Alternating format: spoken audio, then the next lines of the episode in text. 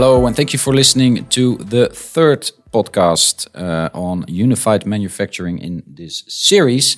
Uh, my name is Joost van Keulen, Director of Communications with CGI in the Netherlands. And today I am talking, and I'm very happy that he's here, with Fokke van Houten. And we'll talk about uh, asset performance management, uh, specifically in the, in the manufacturing domain. Fokke, thank you so much for, for joining us. You're the third in a row. We've talked to Koen, we've talked to Marcel, and now you're here. Ah. Uh, uh, so, uh, big surprise, but uh, Marcel already left a question for you for later on. Oh, did he? Yeah, yeah, yeah. yeah. Very, Right, very right. yeah, yeah. So, uh, if, if you can't answer that, well, you have to talk to him because I know you're you're you're, you're working closely together. So that's that's yeah, good. we do. Yeah, yeah. Good to have you here. Fokke, can you tell us something about your role, how you be, what you are doing within CGI right now, and how did you get there? Yeah, yeah, yeah. I'm, I'm, more than glad to. Uh, thanks for uh, for having me, Joost. Uh, well, yeah, joined CGI in, in 2019, last 2019, uh, the Center of Excellence in Arnhem, the team of Koen, and uh, indeed, together with Marcel and some other uh, of our, uh, let's say, 90 plus colleagues, uh, we're part of that uh, that Center of Excellence. And I'm an um, I'm an expert in that team, um, and the expertise uh, asset performance management maintenance. So that's that's basically my uh, my working field.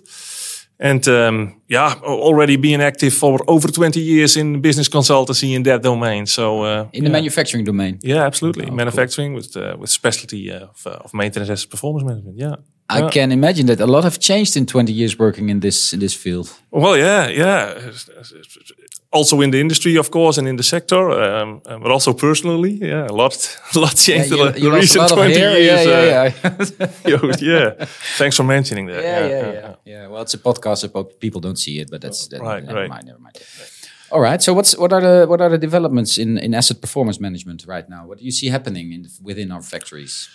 Well, you you you see the similarities uh, within within the whole manufacturing environment. Eh? You see the uh, the uh, the need for for transition to more data driven manufacturing, um, and also the, the the need as an outcome of of changing market circumstances, uh, also within the maintenance domain. Eh? So data is becoming more and more important also for the asset performance management. Um, so a good understanding of the performance of your assets and uh, a higher predictability in, in, let's say, the upcoming future, how assets will perform. Yeah. It's, it's very important. It's becoming more important. Yeah. So when we talk about asset performance management, we we it's it's quite a broad um, uh, broad thing, I, I guess, because we're talking about maintenance, but it's also about efficiency. It's about almost everything, I Yeah, guess. What, what, yeah. what's happening in Yeah. those in those machines? Yeah.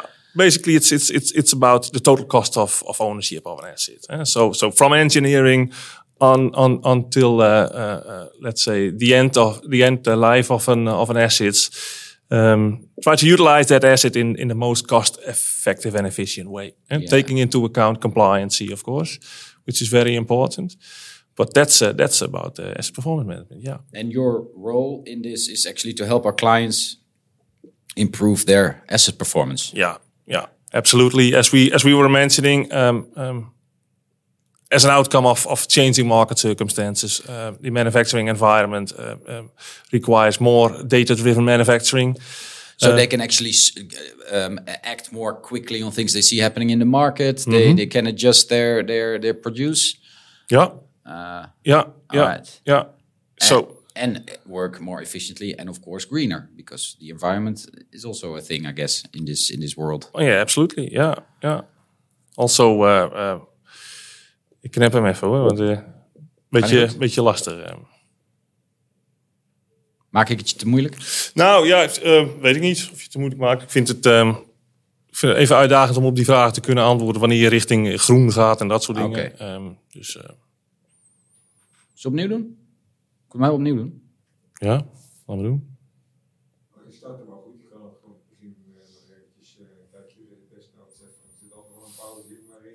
Ja, dat is ook zo. Dat is ook zo. Wat was mijn laatste vraag? Ik ben al... Nee, laat maar even, laat maar even Koen. Ik vind het even goed. Ja, je moet even concentreren.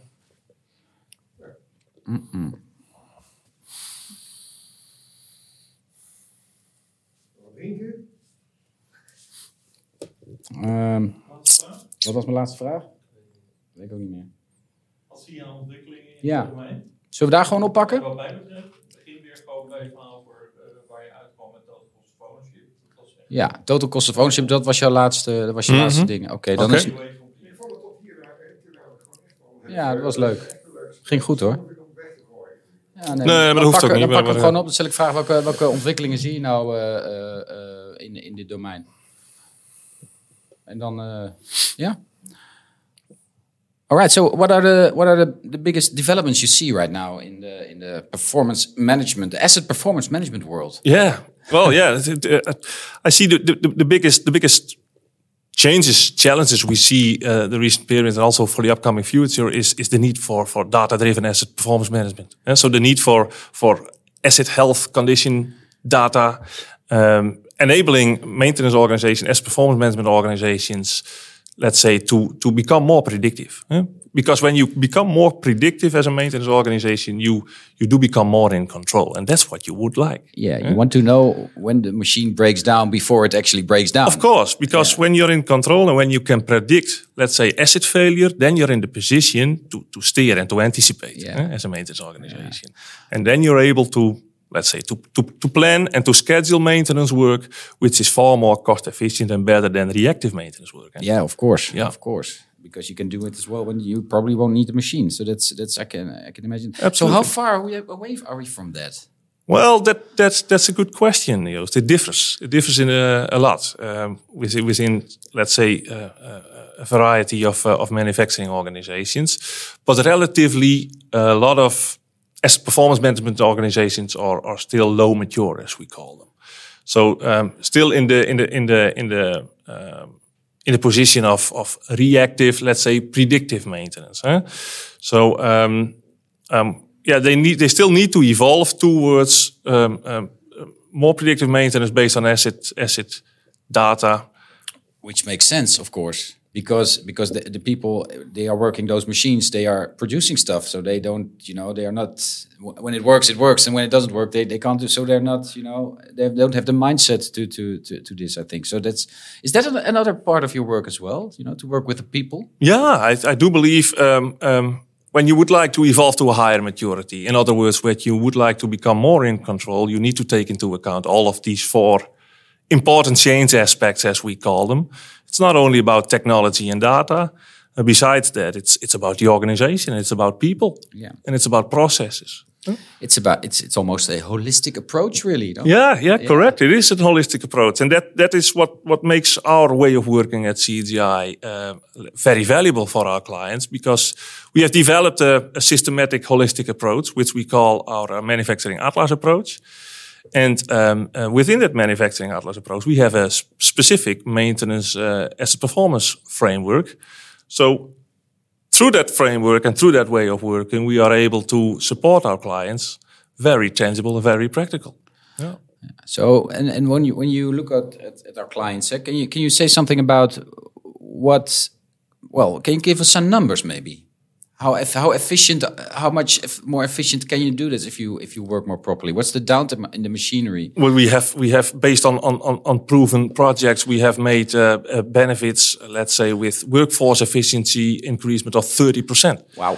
Doing more work in a more control in a more controlled manner with uh, with the same amount of uh, of of people. Oh, that's impressive. Yeah, That's yeah. impressive. No, we really can make uh, make big improvement steps um, um, with with with that systematic holistic approach. Absolutely. But you need the proper data.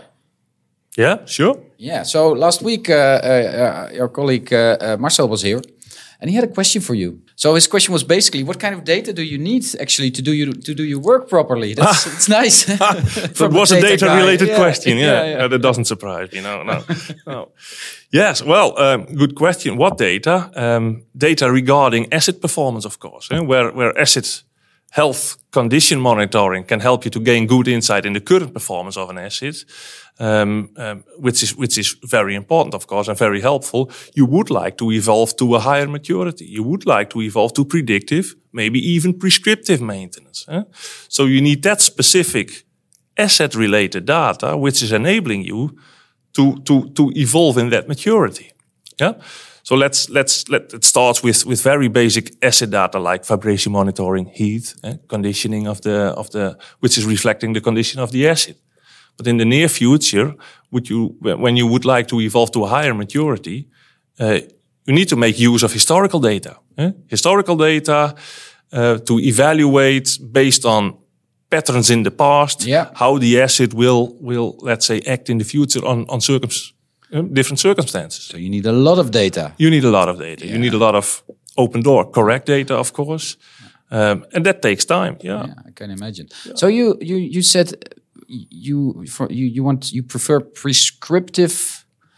Uh, Prescriptive is What's basically the, difference? holy grail. eh? That's the holy grail. That's the so holy what's the grail, difference between predictive and prescriptive uh, maintenance? Well, the, the, the, I, th- I, th- I, th- I think you should you should specify that prescriptive maintenance is really system driven. So the system is telling you what When you should do. Oh. Not, not only when, but what you should do. Oh, so also, the machine yeah. itself is going to tell you when it needs maintenance. yeah, and what kind of maintenance, Oh, wow. and with with with parts all you need, and uh, and et cetera, et. And are there any clients of ours that are there yet? Not not not not in our playing field. No, All right. no, All right. So we're still looking for that holy grail. A lot of clients which we can help to that holy right. grail. Yeah. All right.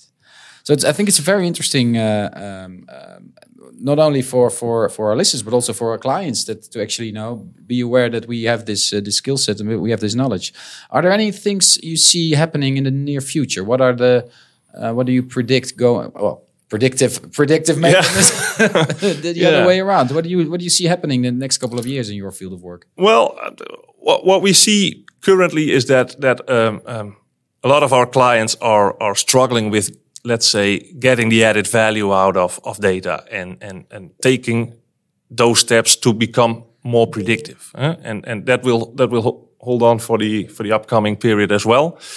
Um, so, so what what what I would like to to mention and address here is that it's very important that you have a tangible, practical approach, supporting clients step by step to that higher maturity. Yeah. That's very important. And then you then you can see where you where you end up. well, yeah, then you can then you can gain uh, uh, benefit by benefit, small benefits, which is which is uh, let's say um, um, um, trust, eh, which is gaining trust uh, for uh, for clients.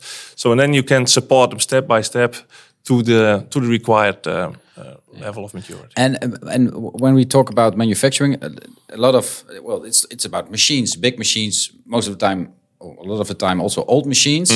But even old machines can actually do uh, get through these maturity levels and, and upgrade. Yeah. Yeah. Yeah, absolutely. Yeah, we have a lot of uh, experience with uh, with with vendors also uh, bringing in the right the right sensoring on on machines, etc.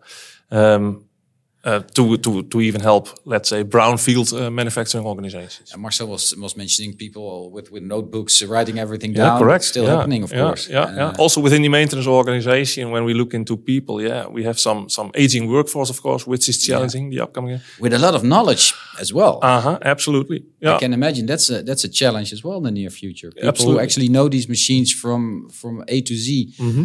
uh, they they will at, at some point start to retire. Hopefully for them. And, Uh-huh. and what happens then? Well, exactly. But also part of that of that big challenge of data-driven manufacturing. You you would like to capture all that valuable knowledge and expertise of people, of course. Yeah. And you can do that partly in systems. Yeah, yeah. Not all of it, partly. So again, and this is, I'm, starting to see a pattern here in this podcast series. Again, it's not about not only about data and IT system, but it's also about the people operating those machines. Yeah, absolutely. If you really would like to evolve to a higher maturity in a sustainable way, you need to take into account all all four aspects which I've mentioned. Yeah. Yeah. So you you again another one who's very interesting, uh, very uh, interested in uh, in uh, um, uh, unified manufacturing. Uh, I love talking to my colleagues who are so you know enthusiastic about their field of work. Thank you so much for this uh, this great conversation. Fokke. Yeah. Um, are there any things you want to say, to add? Did you did you say anything everything you wanted? Well, no, I've, I've, I've enjoyed the conversation very much, yo. So, um, no, uh, not, not for now. I do believe we covered everything. All right, Fokke, thank you so much for this great conversation. Uh, thank you so much at home for listening to this podcast on unified manufacturing, this series. Um, we'll be back soon with another episode in this series, and uh, uh, we hope you will listen to that one as well. Thanks again, and uh, well, hopefully, until very soon. Bye bye.